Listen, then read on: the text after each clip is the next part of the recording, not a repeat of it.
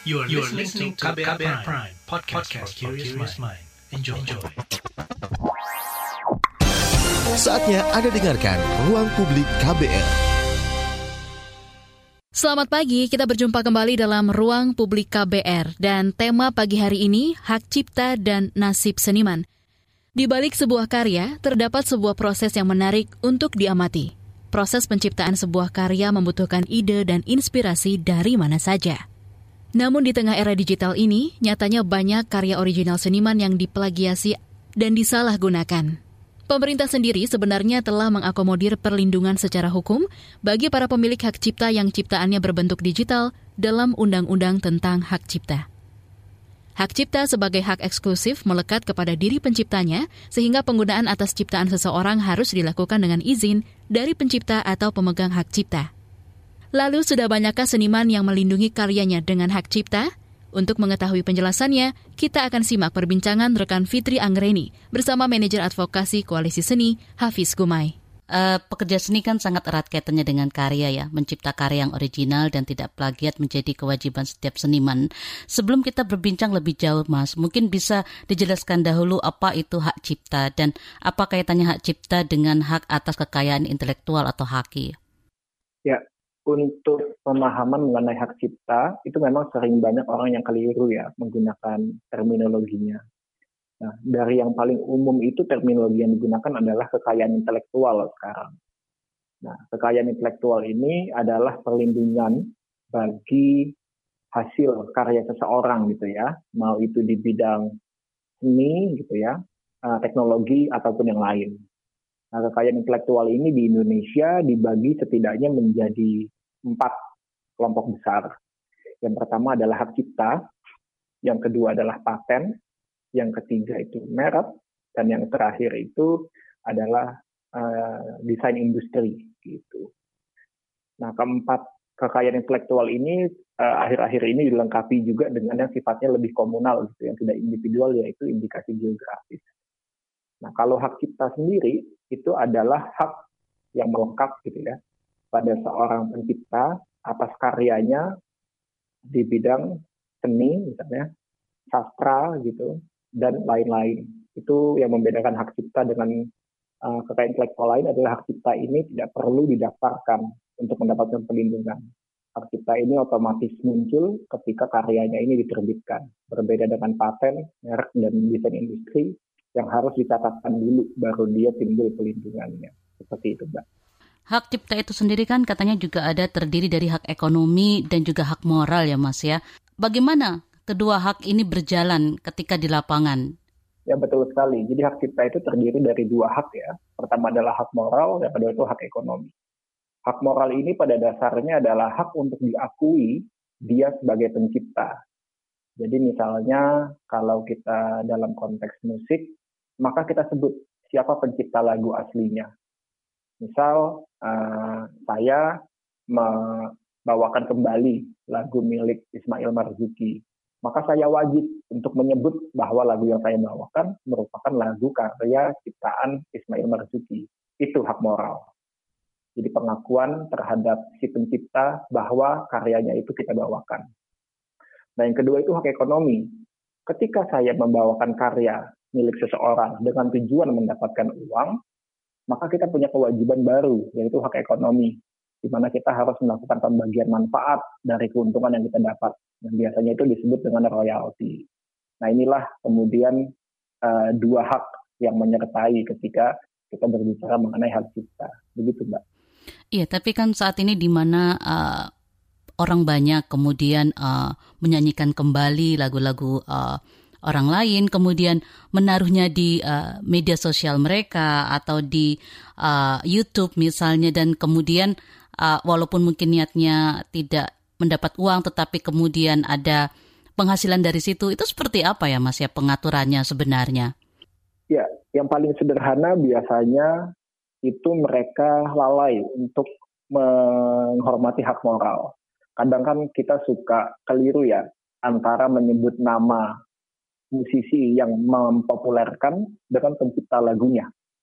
Karena terkadang para pencipta lagu ini tidak sepopuler uh, musisi yang membawakan lagu tersebut gitu. Nah itu adalah hal pertama yang harus kita apa namanya perhatikan ketika membawakan satu lagu gitu ya, membawakan kembali yang ditulis itu tidak hanya musisi yang mempopulerkan, tapi kita juga harus cari tahu siapa pencipta lagu asli tersebut. Nah itulah cara kita menghormati hak moral. Kemudian perihal hak ekonomi, nah ini memang masih menjadi satu bahasan yang cukup uh, apa namanya uh, ketat gitu ya. Kalau misalnya dia tidak mendapatkan keuntungan langsung gitu dari uh, unggahan uh, musiknya dia di media sosial, tapi dia mendapatkan popularitas. Apakah itu yang disebut dengan keuntungan gitu, ataukah itu yang disebut dengan uh, mencari uh, uang dari apa membawakan karya orang lain. Nah sampai sekarang batasannya itu hanya keuntungan langsung, mbak. Jadi kalau kita mengunggah di media sosial dan akun kita dimonetisasi dan kita mendapatkan uang dari unggahan tersebut itulah yang disebut dengan uh, memanfaatkan karya orang lain secara komersil. Jadi hal ekonomi itu hanya dilihat dari situ saja. Terkait dia semakin populer atau dia mendapatkan uh, tawaran kerja akibat membawakan lagu orang lain itu belum dianggap sebagai eksploitasi secara komersil seperti itu. Tapi kalau menurut pandangan Anda, apakah hal itu sebenarnya juga perlu atau patut untuk dipertimbangkan sebagai sebuah uh, keuntungan, Mas?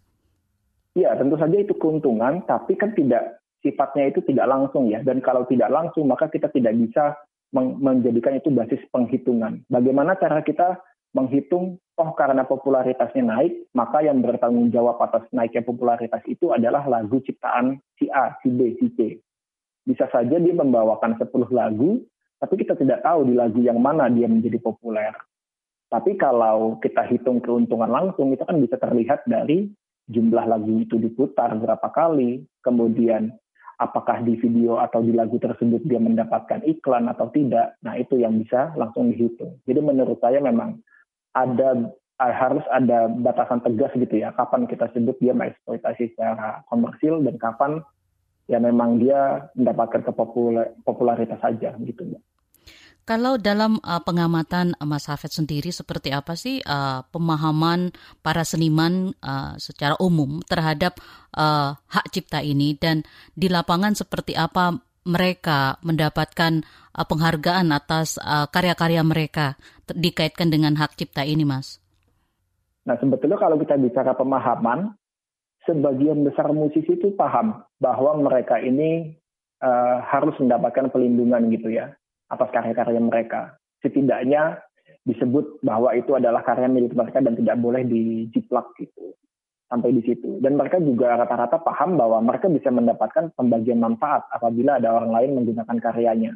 Namun mengenai hal teknis bagaimana sampai dia bisa mendapatkan uang tersebut, nah itu yang terkadang uh, kurang terlalu dipahami gitu. Mereka harus mendaftar ke mana, harus menghubungi siapa, bagaimana cara menagihnya. Nah hal-hal teknis seperti itu yang biasanya uh, belum terlalu luas gitu ya, atau pengetahuannya. Kalau itu sebetulnya lebih karena uh, birokrasinya kan cukup sulit ya. Seorang musisi harus mendaftarkan diri dulu ke LMK, lagunya harus diberi nomor panggil universal dulu, dia harus punya nomor pencipta lagu dulu. Jadi ada banyak hal-hal yang mesti ia lewati baru dia bisa uh, mendapatkan pembagian royalti dari platform-platform yang uh, sekarang sering digunakan. Apakah uh, ini juga ada kaitannya juga dengan sosialisasi dari aturan yang mengatur soal perolehan royalti tersebut, Mas. Dan apakah persoalan ini hanya atau lebih banyak dialami teman-teman musisi? Bagaimana dengan seniman yang lain, Mas? Ya, menariknya undang-undang hak cipta kita, sektor-sektor lain itu tidak diberikan pengaturan mengenai lembaga manajemen kolektif gitu. Satu lembaga yang punya kewenangan untuk menarik royalti. Jadi selain musik tidak ada LMK, gitu. hanya musik lah satu-satunya uh, hal yang memiliki lembaga semacam itu. Ketika kita bicara karya sastra, film gitu ya, foto, itu semua di, diserahkan kepada perjanjian antara pencipta dengan orang yang ingin menggunakan ciptaan, namanya perjanjian lisensi hanya musik yang kemudian diberikan satu mekanisme khusus di mana ada satu lembaga yang boleh memungut royalti uh, atas kuasa dari para pencipta lagu. Nah itu satu. Uh, yang kedua uh, terkait sosialisasi, ini memang uh, punya kendala bahwa LMK-LMK di bidang musik ini wilayah operasionalnya itu kebanyakan di kota besar. Banyak sekali musisi-musisi yang di luar industri populer ya, khususnya musik tradisional gitu. Nah itu mereka tidak tahu menahu bagaimana cara mereka mendapatkan haknya. Nah ini yang memang masih menjadi PR gitu untuk memperluas layanan LMK ini, gitu mbak. LMK ini sendiri lembaga seperti apa mas dan apa fungsinya? Jadi di dalam Undang-Undang Hak Cipta itu uh, musisi tidak diperbolehkan untuk uh, menagih royalti secara perorangan. Jadi kita tidak bisa tuh misalnya Mbak mencipta lagu, kemudian Mbak tahu lagu Mbak dimainkan gitu di satu tempat untuk tujuan komersil. Mbak tidak boleh mendatangi tempat itu seketika dan meminta uh, bayaran gitu. Mbak harus uh, memintanya melalui mekanisme lembaga LMK ini kalau di undang-undangnya lembaga manajemen kolektif ini adalah lembaga nirlaba yang memang diberikan mandat oleh para pencipta lagu yang tergabung di dalam lembaga tersebut untuk menagihkan royalti kepada seluruh uh, pemilik usaha atau kepada semua orang-orang yang menggunakan musik secara komersil. Nanti ketika seluruh royaltinya sudah terkumpul dalam jangka waktu tertentu, biasanya satu tahun, maka royalti ini akan didistribusikan kepada para musisi yang tergabung di dalam LMK-LMK yang bersangkutan. Seperti itu fungsi mereka. Ruang Publik KBR akan kembali. Tetaplah bersama kami. Masih Anda dengarkan Ruang Publik KBR. Commercial break. Commercial break. Commercial break. Ya, ada lagu ini pula buat rindu kampung ini. Ah, nelfon mama ah. Apa kabar dia nih ya? Eh, Tigor, lagi di mana kau? Di kosan, Mak. Mama apa kabar? Kuliahmu udah libur kan? Pulanglah kau, nak. Di kampung aja. Nanti kau keluar-keluar kena pula sakit si Corina itu. Eh, siapa namanya itu? Corona kan? Corona betul ya? Eh, ditanya kabar malah panjang mama ini jawab. Nggak boleh pulang, Mak Kan pemerintah juga menganjurkan untuk tidak ke mana-mana, apalagi mudik atau pulang kampung. Kalau di jalan kena virusnya, terus bawa ke kampung gimana? Bandel kali kau. Di kampung mana ada corona? Mama sehat-sehat aja loh ini. Bukan begitu, Mak. Orang tua itu kan paling rentan nih kena virusnya. Jadi diam-diam aja di rumah ya, biar cepat selesai masalah corona ini. Bangga kali Mama sama kau Tigor. Gak salah Mama sekolahkan kau jauh-jauh ke Jakarta, Amang. Jadi tenang Mama di sini. Sehat-sehat ya anakku, Amang. Iya, Mak. Mama juga ya. Tetap aman di rumah bersama media lawan COVID-19. Masih Anda dengarkan Ruang Publik KBR. Anda masih mendengarkan Ruang Publik KBR. Kita masih akan menyimak penjelasan manajer advokasi Koalisi Seni Hafiz Kumai. Nah, yang ini juga memang uh, baru-baru uh, ini uh, kembali mencuat uh, pembicaraannya karena juga Presiden Jokowi uh, mengeluarkan aturan soal royalti kepada pencipta, pemegang hak cipta atau pemilik hak terkait penggunaan uh, lagu atau musik di karaoke, bioskop, restoran, uh, pub, klub malam dan diskotik ya Mas ya. Nah, kalau dalam perkembangannya selama ini seperti apa uh, kerja-kerja LMK tersebut uh, dan seperti apa uh, keuntungan yang didapat oleh uh, para musisi dalam hal ini, Mas? Sebetulnya sebelum PP 56 tahun 2010 ini terbit, LMK itu sudah beroperasi. Namun pada waktu itu dasar hukumnya masih sebatas peraturan menteri saja. Peraturan Menteri Hukum dan HAM tahun 2016 kalau tidak salah keluarnya. Di sana diatur bagaimana tata cara LMK beroperasi dan juga besaran tarif yang dikenakan kepada para pemilik usaha tadi yang sudah Mbak sebutkan. Nah selama ini LMK itu memang secara umum terbagi ke dalam tiga lembaga besar ya untuk LMK hak cipta gitu ya yaitu KCI Karya Cipta Indonesia, WAMI Wahana Musik Indonesia dan RAI. Uh, eh, saya lupa kalau nggak salah itu Anugerah Indonesia R-nya apa gitu. Nah ketiga lembaga ini uh, selama ini selalu berkeliling gitu kepada para pemilik usaha dan berusaha menagih royalti mereka. Namun memang pada kenyataannya karena tidak dilakukan satu pintu, para pemilik usaha ini merasa ditagih tiga kali kadang-kadang. Nah inilah yang suka menjadi kendala ketika KTI sudah datang ke satu tempat, bulan berikutnya WAMI datang, bulan berikutnya RAI datang, nah pengusaha ini merasa kok saya harus bayar tiga kali. Makanya dengan PP 56 ini nampaknya uh, uh, kegiatan seperti itu ingin dibuat lebih terintegrasi gitu satu pintu. Jadi penagihannya sekali, kemudian LMK-LMK yang ada banyak ini hanya ditugaskan untuk mendistribusikan saja kepada anggota mereka masing-masing. Seperti itu, Mbak. Kembali tadi uh, kita agak mundur sedikit. Sebenarnya dalam uh, hak cipta itu apa apa saja yang bisa disebut uh, perbuatan yang melanggar hak cipta, Mas? Kalau melanggar hak cipta ya sudah pasti satu ketika kita membawakan lagu orang lain dan kita tidak mengakui siapa pencipta aslinya gitu ya. Kita mengakui itu ciptaan kita. Nah itu adalah pelanggaran yang paling dasar ya, pelanggaran hak moral. Yang kedua, kita tidak melakukan pembagian manfaat atau tidak membayarkan royalti ketika kita membawakan lagu orang lain atau karya orang lain untuk tujuan komersial. Nah itu adalah pelanggaran terhadap hak-hak ekonomi. Nah, dua tindakan inilah yang biasanya disebut sebagai pelanggaran hak cipta seperti itu. Nah, apakah juga hal-hal uh, seperti ini uh, secara umum masyarakat ketahui, Mas, ketika terutama uh, mereka membuat konten misalnya untuk sosial media mereka dan kemudian mereka menggunakan lagu-lagu yang sudah ada uh, dan mungkin kerap lupa atau tidak mencantumkan nama uh, pencipta karya tersebut, Mas? Saya rasa kalau ini harus dibedakan ya antara tindakan yang secara sadar gitu ya dilakukan untuk niat jahat gitu ya memang tidak ingin uh, mengakui pencipta aslinya dengan tindakan yang uh, tidak tidak berniat gitu ya. Tindakan yang memang dia lalai dia tidak tahu kalau itu adalah kewajiban. Nah itu satu Nah memang ketika kita menggunakan lagu seseorang, terkadang kita merasa, oh kan kita juga ikut mempopulerkan, jadi kita tidak punya kewajiban apa-apa. Justru musisinya yang harusnya berterima kasih gitu, karena sudah kita populerkan, sudah kita pakai lagunya. Nah, pola pikir seperti inilah yang kadang-kadang itu justru uh, memperburuk keadaan gitu. Bagaimanapun juga ketika kita membawakan karya orang lain, kita punya kewajiban untuk mengakui karya siapa yang kita bawakan.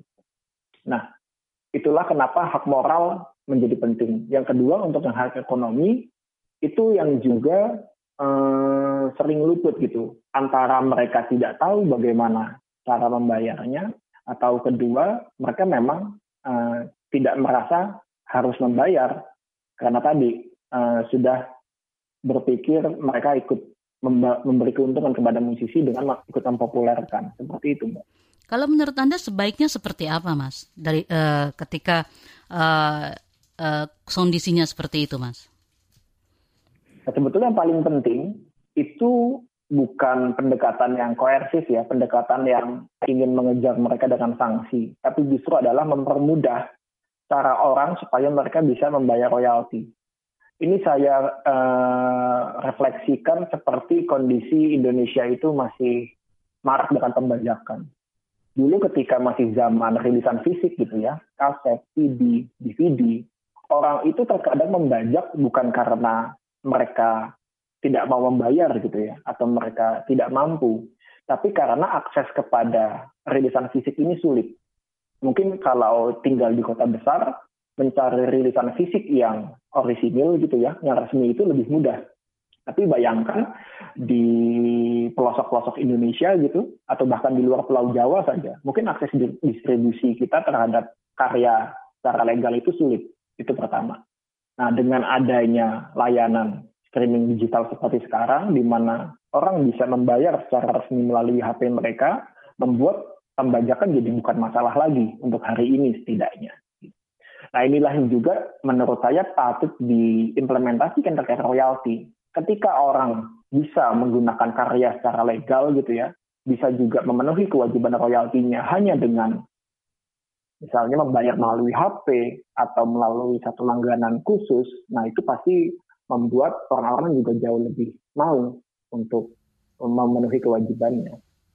Apakah inisiatif seperti ini sudah mulai uh, dilakukan, Mas? Mungkin kalau di Indonesia belum ya, tapi kalau di luar negeri itu sudah ada layanan-layanan yang memang ditujukan khusus untuk pelaku usaha. Jadi apabila di Indonesia misalnya kita langganan Spotify atau Apple Music gitu ya, Apple Music ini itu semua layanannya pribadi gitu, hanya untuk ditujukan untuk kalangan sendiri gitu ya, tidak untuk kegiatan yang bertujuan komersial. Tapi di luar negeri, Spotify gitu ya, Apple Music sudah membuat layanan yang memang khusus ditujukan untuk pelaku usaha. Jadi tarifnya berbeda. Dan para layanan streaming ini, layanan konten digital ini sudah melakukan kerjasama dengan LMKN terkait bahwa setiap kali ada langganan, maka itu sudah termasuk dengan biaya pembayaran royalti yang sudah ditentukan gitu kerjasamanya. Nah kalau memang semudah itu, pasti orang akan jauh lebih tertib. Dan apakah sudah mulai ada upaya untuk menggagas uh, inisiatif ini di Indonesia, Mas? Setahu saya, kalau dulu Bekraf ya, sebelum mereka bergabung ke Parekraf, itu mereka ingin membuat satu mekanisme yang namanya portamento. Jadi semacam uh, uh, one pay, payment gateway gitu ya, layanan pembayaran satu pintu untuk penggunaan lagu-lagu. Nah, saya tidak tahu apakah kemudian proyek ini tetap dilanjutkan ketika Bekraf sudah dilebur menjadi Kemenparekraf sekarang. Tapi teman-teman di Koasis ini tidak mengawal uh, ini secara khusus ya Mas ya? Kalau untuk mengawal secara khusus gitu ya, itu memang tidak. Tapi kami tetap selalu uh, memperbarui gitu ya informasi-informasi kami terkait dengan keluarnya kebijakan terkait hal ini. Dari tadi kita bicara soal uh, royalti di uh, dunia musik, begitu ya Mas ya. Sebenarnya uh, bagaimana dengan uh, karya-karya ciptaan yang lain mas seperti patung, lukisan, gambar begitu. Apakah uh, kebutuhan akan royalti ini belum dilihat sebagai sesuatu yang penting untuk diterapkan uh, di dalam uh, karya-karya tersebut, Mas? Justru menurut saya untuk karya lain gitu ya selain musik itu lebih apa ya? lebih penting gitu royalti karena kan mereka uh, tidak terlalu diperhatikan gitu ya seperti musik yang sangat populer gitu atau film. Nah, kalau untuk royalti karya sastra misalnya, ini langsung dibagi antara si penulis misalnya dan penerbit gitu. Jadi mereka sistemnya biasanya bagi hasil. Ketika bukunya ini digunakan gitu ya, ketika bukunya ini dijual, maka langsung dibagi itu antara penerbit dan uh, penulis. Ketika bukunya ini ingin diangkat menjadi film misalnya, atau diangkat menjadi karya teater, maka basisnya itu kontrak saja. Jadi kontrak lisensi, sekali bayar gitu, sekali bayar dan selesai. Tidak seperti musik yang mereka bisa terus mengalir gitu ya, ada persentasenya. Nah ini juga terjadi mungkin di film gitu ya, di patung. Karena memang di Undang-Undang Hak Ciptanya sendiri tidak diberikan pengaturan uh, seperti musik yang ada LMK-nya. Jadi basisnya hanya perjanjian lisensi saja antara dua pihak itu. Tapi apakah ada upaya untuk mendorong agar teman-teman selain musisi uh, bisa mendapatkan uh, pengaturan yang lebih baik soal pembagian royalti ini, Mas? Mungkin ini adalah kaitannya juga dengan gaya konsumsi yang berbeda ya. Ketika kita mengkonsumsi musik gitu ya secara personal, ini kan kita mengkonsumsinya uh, sering gitu ya berulang kali sehingga mekanisme royalti yang juga ditagihkan berulang kali ini bisa. Tapi ketika kita bicara patung misalnya, ketika patung itu sudah dibeli gitu, kan melihat patung itu tidak menimbulkan kewajiban royalti. Kewajiban royalti baru muncul ketika patungnya ini misalnya diadopsi gayanya ke satu karya baru gitu atau patungnya ini dimasukkan ke dalam satu film di potret gitu nah itu mungkin baru akan muncul Nah, yang paling mirip dengan musik tapi belum diatur justru film. Karena kan sekarang film juga sudah mulai ada layanan uh, streamingnya ya, on demand gitu. Nah, ketika film-film ini diputar berulang kali gitu ya, di berbagai acara berbeda misalnya, nah ini belum diketahui apakah royaltinya juga dipungut melalui mekanisme LMK, atau ya sudah, sama seperti masalah Spotify tadi ketika orang sudah berlangganan Netflix misalnya sudah berlangganan uh, layanan uh, streaming film berbayar apakah itu sudah termasuk dengan royaltinya atau belum nah itu yang masih menjadi pertanyaan untuk film Kami ingatkan kembali kalau ruang publik ini adalah rekaman, jadi kami tidak bisa menerima pertanyaan dari pendengar. Jangan ke mana-mana, setelah jeda, ruang publik akan kembali. Masih Anda dengarkan Ruang Publik KBR. Terima kasih untuk Anda yang masih setia mendengarkan ruang publik dari KBR. Masih Anda dengarkan perbincangan pagi ini terkait nasib seniman di zaman digital. Pada segmen ini kita masih akan menyimak penjelasan manajer advokasi koalisi seni Hafiz Kumai. Banyak yang menyebut bahwa aturan pembayaran royalti ini tidak jauh dari upaya untuk menyejahterakan seniman. Kalau dalam pandangan Anda, seperti apa kondisi para seniman, uh, khususnya selama uh, setahun lalu saat pandemi mulai melanda Indonesia dan seperti apa prediksinya di tahun ini, Mas? Ya sebetulnya kalau terkait hak cipta, ini sudah menjadi rahasia umum bahwa musisi itu tidak mendapatkan penghasilan utama mereka itu bukan dari penjualan album atau dari layanan streaming gitu. Mereka mendapatkan sangat kecil. Bahkan sepengetahuan saya itu dalam satu tahun tidak ada yang mencapai angka miliaran gitu, tidak ada. Itu sangat berbanding jauh gitu daripada mereka uh, bayaran mereka harus tampil. Kan mereka kalau misalnya sedang terkenal bisa konser dua tiga kali dalam seminggu. Nah itu otomatis hanya dalam waktu satu bulan pendapatan mereka sudah melebihi royalti dalam satu dari satu tahun.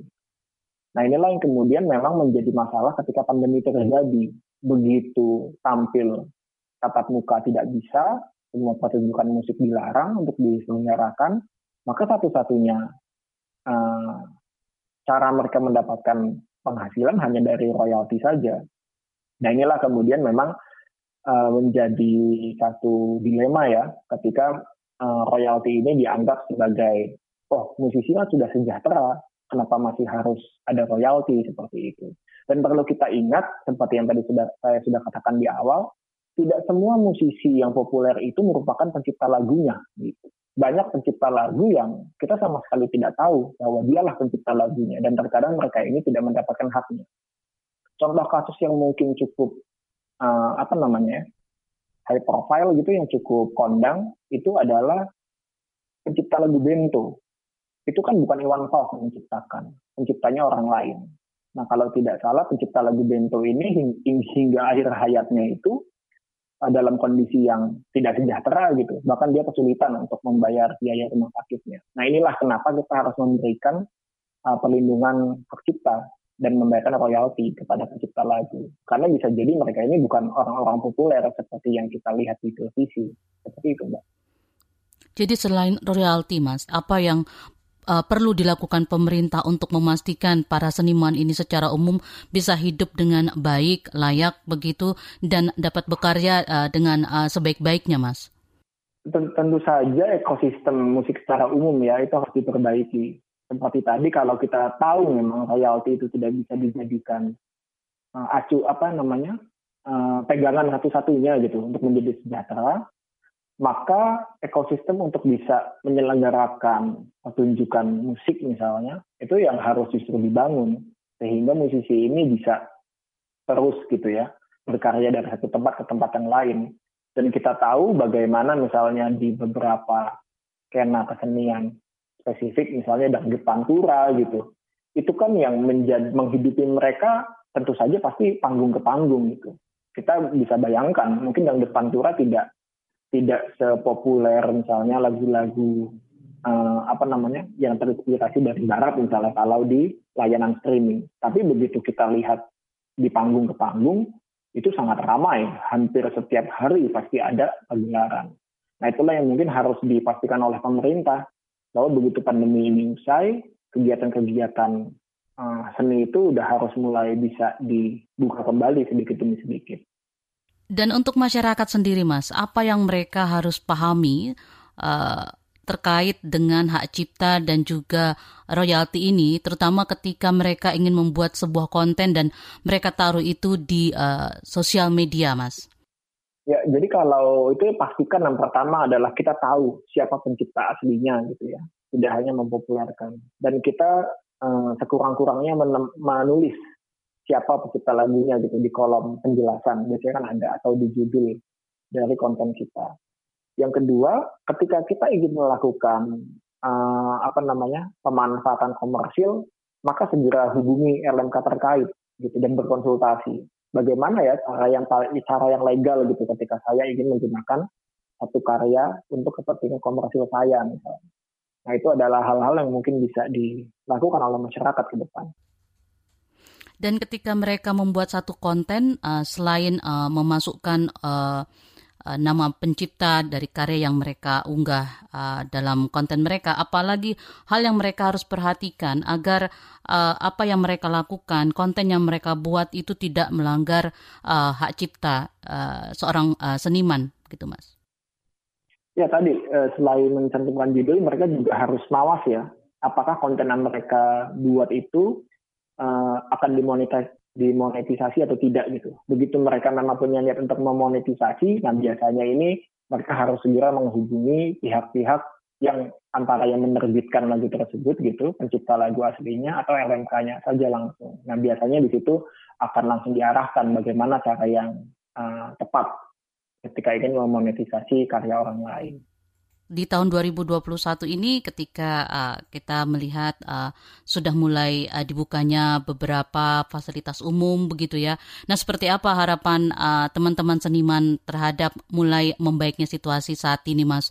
Dan apa namanya um, uh, apa hal-hal agenda yang mungkin akan bisa dilakukan uh, dalam waktu dekat oleh teman-teman terutama yang tergabung dalam Koalisi Seni Indonesia, Mas? Nah, yang pertama tentu saja uh, koalisi seni sejak setahun terakhir ini fokus untuk menelaah PEN ya, uh, program pemulihan ekonomi nasional. Itu bisa dilihat bahwa program PEN yang dicanangkan pemerintah itu sama sekali tidak menyentuh isu-isu seni dan budaya. Gitu. Nah, inilah yang uh, salah satu kekecewaan kami gitu. Padahal uh, kita tahu seni dan budaya ini punya pengaruh ekonomi yang sangat besar gitu di masyarakat. Di mana ada kegiatan seni, pasti akan ada kegiatan ekonomi lain yang berputar gitu di sekelilingnya. Nah, kemudian ketika acara-acara ini mulai diperbolehkan untuk uh, dibuka, yang paling penting adalah pemerintah memastikan acara-acara ini diselenggarakan dengan aman. Karena begitu terjadi satu apa ya kejadian gitu ya, satu kasus di mana satu kegiatan seni atau kegiatan musik itu menimbulkan ledakan kasus baru, maka otomatis yang kena semua gitu. Bisa saja semua kegiatan itu jadi harus dihentikan kembali. Dan ini yang harus dihindari kalau menurut saya. Dan teman-teman seniman sendiri sudah siap untuk uh, memulai kembali kegiatannya begitu ya Mas di tahun ini ya? Betul ya dari penontonnya sendiri kan juga harus nawas diri gitu kalau bercandaannya biasanya dalam kondisi tidak pandemi saja mereka kadang suka bandel ya tetap membawa rokok ke dalam uh, area konser gitu tetap makan dan minum misalnya tidak duduk di tempat yang sudah disediakan nah uh, ketidaktertiban seperti itu sudah harus dihilangkan ketika situasi pandemi Kembali kami ingatkan kalau ruang publik ini adalah rekaman, jadi kami tidak bisa menerima pertanyaan dari pendengar. Tetaplah di ruang publik KBR. Masih Anda dengarkan Ruang Publik KBR. Commercial break. Commercial break. Commercial break. Oke Google, cariin apa yang lagi trending sekarang dong. Yang lagi viral, yang lagi hits. Aduh, kamu ini tahunya cuma nyur doang. Lah, dia nolak. Aku bilangin Siri nih. Ya sudah-sudah jangan ngambek dong. Kamu cukup buka KBR Prime titik ide, lalu cari what's trending. Semua dibahas tuntas dengan narasumber yang kredibel, jadi bisa buat referensi kamu. Wah iya nih, keren banget ya. Setiap hari lagi. Betul, dari Senin sampai Jumat. Jangan lupa hanya di KBR Prime titik ide atau di aplikasi podcast lain lainnya. Makasih ya Mbah Google. Hei kamu ini, saya masih gadis, kenapa dipanggil Mbah? KBR Prime, podcast for curious mind. Masih Anda dengarkan Ruang Publik KBR. Kita tiba di bagian akhir ruang publik KBR hari ini. Dan bagi Anda yang tidak sempat mendengarkan siaran ini secara utuh, bisa mendengarkannya kembali di podcast kbrprime.id lalu pilih ruang publik. Selanjutnya kita akan menyimak Dirjen Kekayaan Intelektual Kemenkumham, Freddy Haris, terkait pengaturan royalti untuk seniman. Penjelasan ini kami kutip dari YouTube Direktorat Jenderal Kekayaan Intelektual DJKI dengan judul Konferensi Pers PP nomor 56 tahun 2021 tentang pengelolaan royalti hak cipta lagu dan atau musik tanggal 30 uh, Maret yang lalu Presiden Republik Indonesia Pak Jokowi menandatangani PP 56 tahun 2021. PP-nya tentang pengaturan uh, pengelolaan royalti hak cipta dan lagu dan musik. Kalau kita lihat sebenarnya Undang-Undang Hak Cipta 2012 sudah di apa sudah dinyatakan juga di pasal 87, 89, 90 gitu kan. Namun memang di PP ini lebih spesifik lebih spesifik sehingga pengaturannya nanti apa uh, nanti ada pengaturan tentang uh, apa besaran itu diatur biasa di dalam permen. Nah inilah yang apa yang menjadi mungkin menjadi topik ya karena dia menjadi spesifik ya uh, apa menjadi hal yang sangat menarik. Padahal sebenarnya kalau dilihat di apa undang-undang hak cipta ya sudah ada. Gitu kan. Uh, dan ketika kita baca tujuannya agar menjadi transparan, transparan dan akuntabel. Jadi 2014 mungkin uh, apa karena memang kalau CMO ini tidak diatur dengan baik, maka yang pusing adalah sebenarnya ya apa tempat-tempat uh, yang disebutkan di pasal 3 yaitu restoran, kafe karena akan begitu banyak CMO-CMO yang datang ke kafe tidak satu saja. Nah ini yang membuat pusing gitu. Jadi pemerintah oke okay, diatur dengan baik ya di, dibuat tata kelolanya dengan baik gitu kan. Nah Dirjen KI uh, inti pada dasarnya saya melihat tadinya uh, tidak terlalu penting betul tidak terlalu urgent. Nah, kalau dilihat dari uh, apa uh, uh, prioritas program DJKI dari tahun 2017 sampai 2021 kan kita limat apa 2021 eh, 2022 dan uh, 2000 apa 19 itu eh, apa prioritas indikasi geografik eh, indikasi geografis 2020 adalah KIK ya. Sekarang sudah kelihatan KIK-nya kerjasama dengan Dirjen Kebudayaan dan LIPI dan lain sebagainya. Tahun ini tahun paten gitu kan. Sebenarnya saya tidak mau meributkan cipta karena tahun depan dan berapa kali saya melakukan hal apa banyak yang datang ya kawan-kawan musisi saya bilang udah tahun 2022 lah biar lebih fokus gitu kan. Kita bangun data centernya tapi kita sudah merencanakan. 2020 bangun data centernya secara fisik yang betul 2021 itu kita buat aplikasinya secara baik dan mempersiapkan seluruh peralatannya 2022 baru apa kita launching dengan baik. Tapi persoalannya ternyata tidak seperti itu ya. Banyak yang datang, banyak yang mengeluh, terutama para musisi lagunya dibajak, dimonetize dan lain sebagainya. Nah inilah yang membuat apa uh, jadi apa dilakukan percepatan-percepatan ya. Jadi PP ini hanya menegaskan percepat apa uh, apa amanah pasal 87, 89, 90 gitu. Sebenarnya sudah ada. Jadi kemarin-kemarin juga ditarik oleh LMKN gitu kan. LMKN ini sebenarnya kan terdiri di atas LMK, LMK, LMK gitu kan. LMK, LMK, LMK, lalu dari LMK itu dibentuk LMKN. Ketika saya masuk ada apa uh, istilahnya apa uh, diversifikasi LMK N besar N kecil. Saya bilang nggak ada N besar N kecil. Baca undang-undangnya jelas selesai. Saya bilang nggak ada nggak usah ribut-ribut.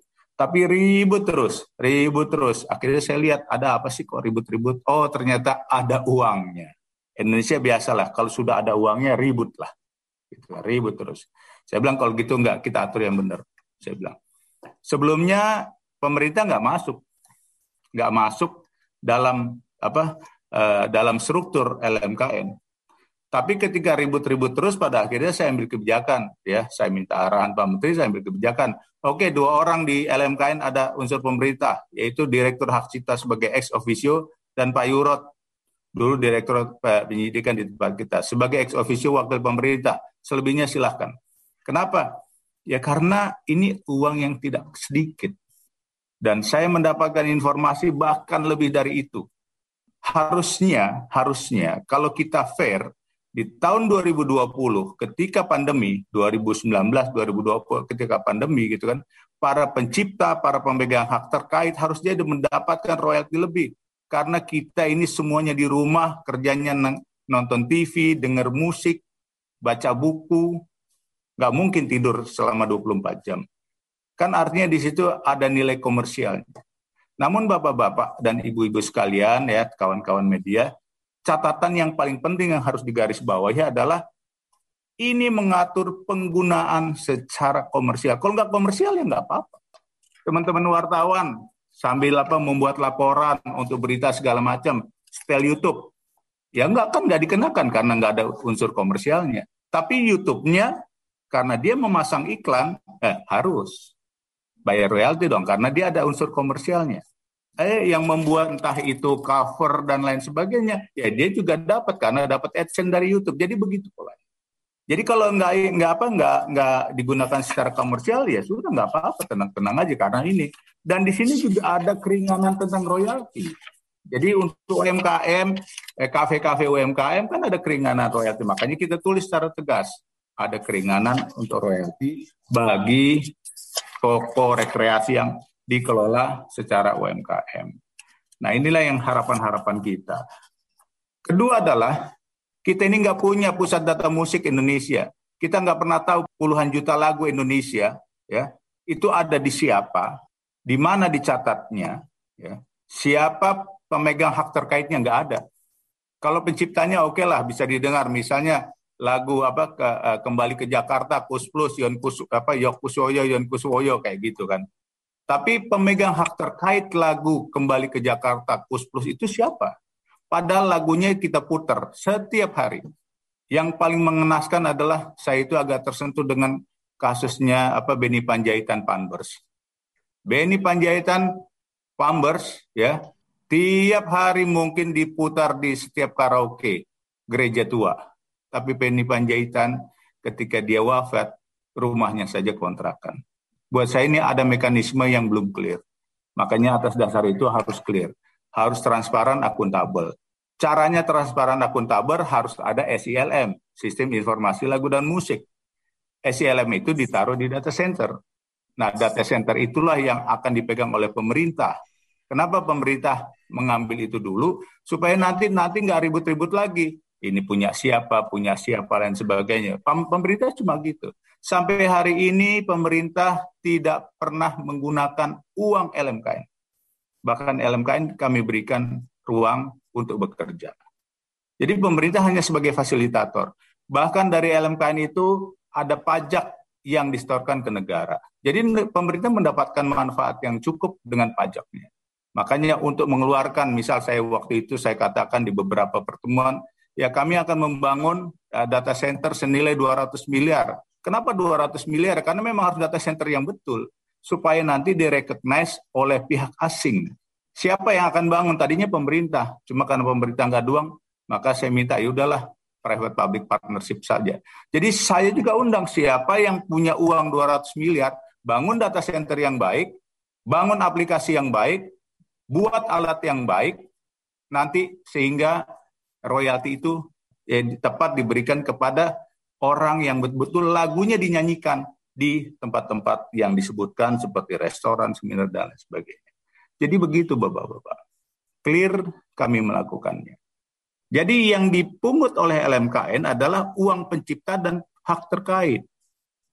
Makanya ketika PP ini dibuat, saya bilang, enggak ini bukan uang APBN, saya bilang. Dan pemerintah nggak boleh apa mungut satu sen pun ya kecuali kalau pajak karena kan pajak ada PPN ada PPH gitu kan nggak boleh mungut apa pun nggak boleh masukkan ke APBN karena ini adalah uang masyarakat pencipta. Saya ngotot waktu itu sama Kementerian Keuangan. Nggak bisa dimasukkan. Enggak ini bukan uang kita. Kita cuma mengadministrasikan karena apa untuk menunjukkan negara hadir untuk mengatur ini. Kalau nanti sudah tertib saya katakan pemerintah juga withdraw. Karena pemerintah banyak kerjaan. Kalau saya jadi dirjen, saya banyak kerjaan ngurusin ini. Satu sen nggak dapat, nggak ada gaji. Tapi karena memang, oh ini ada persoalan yang harus diatur, gitu kan? Maka diatur.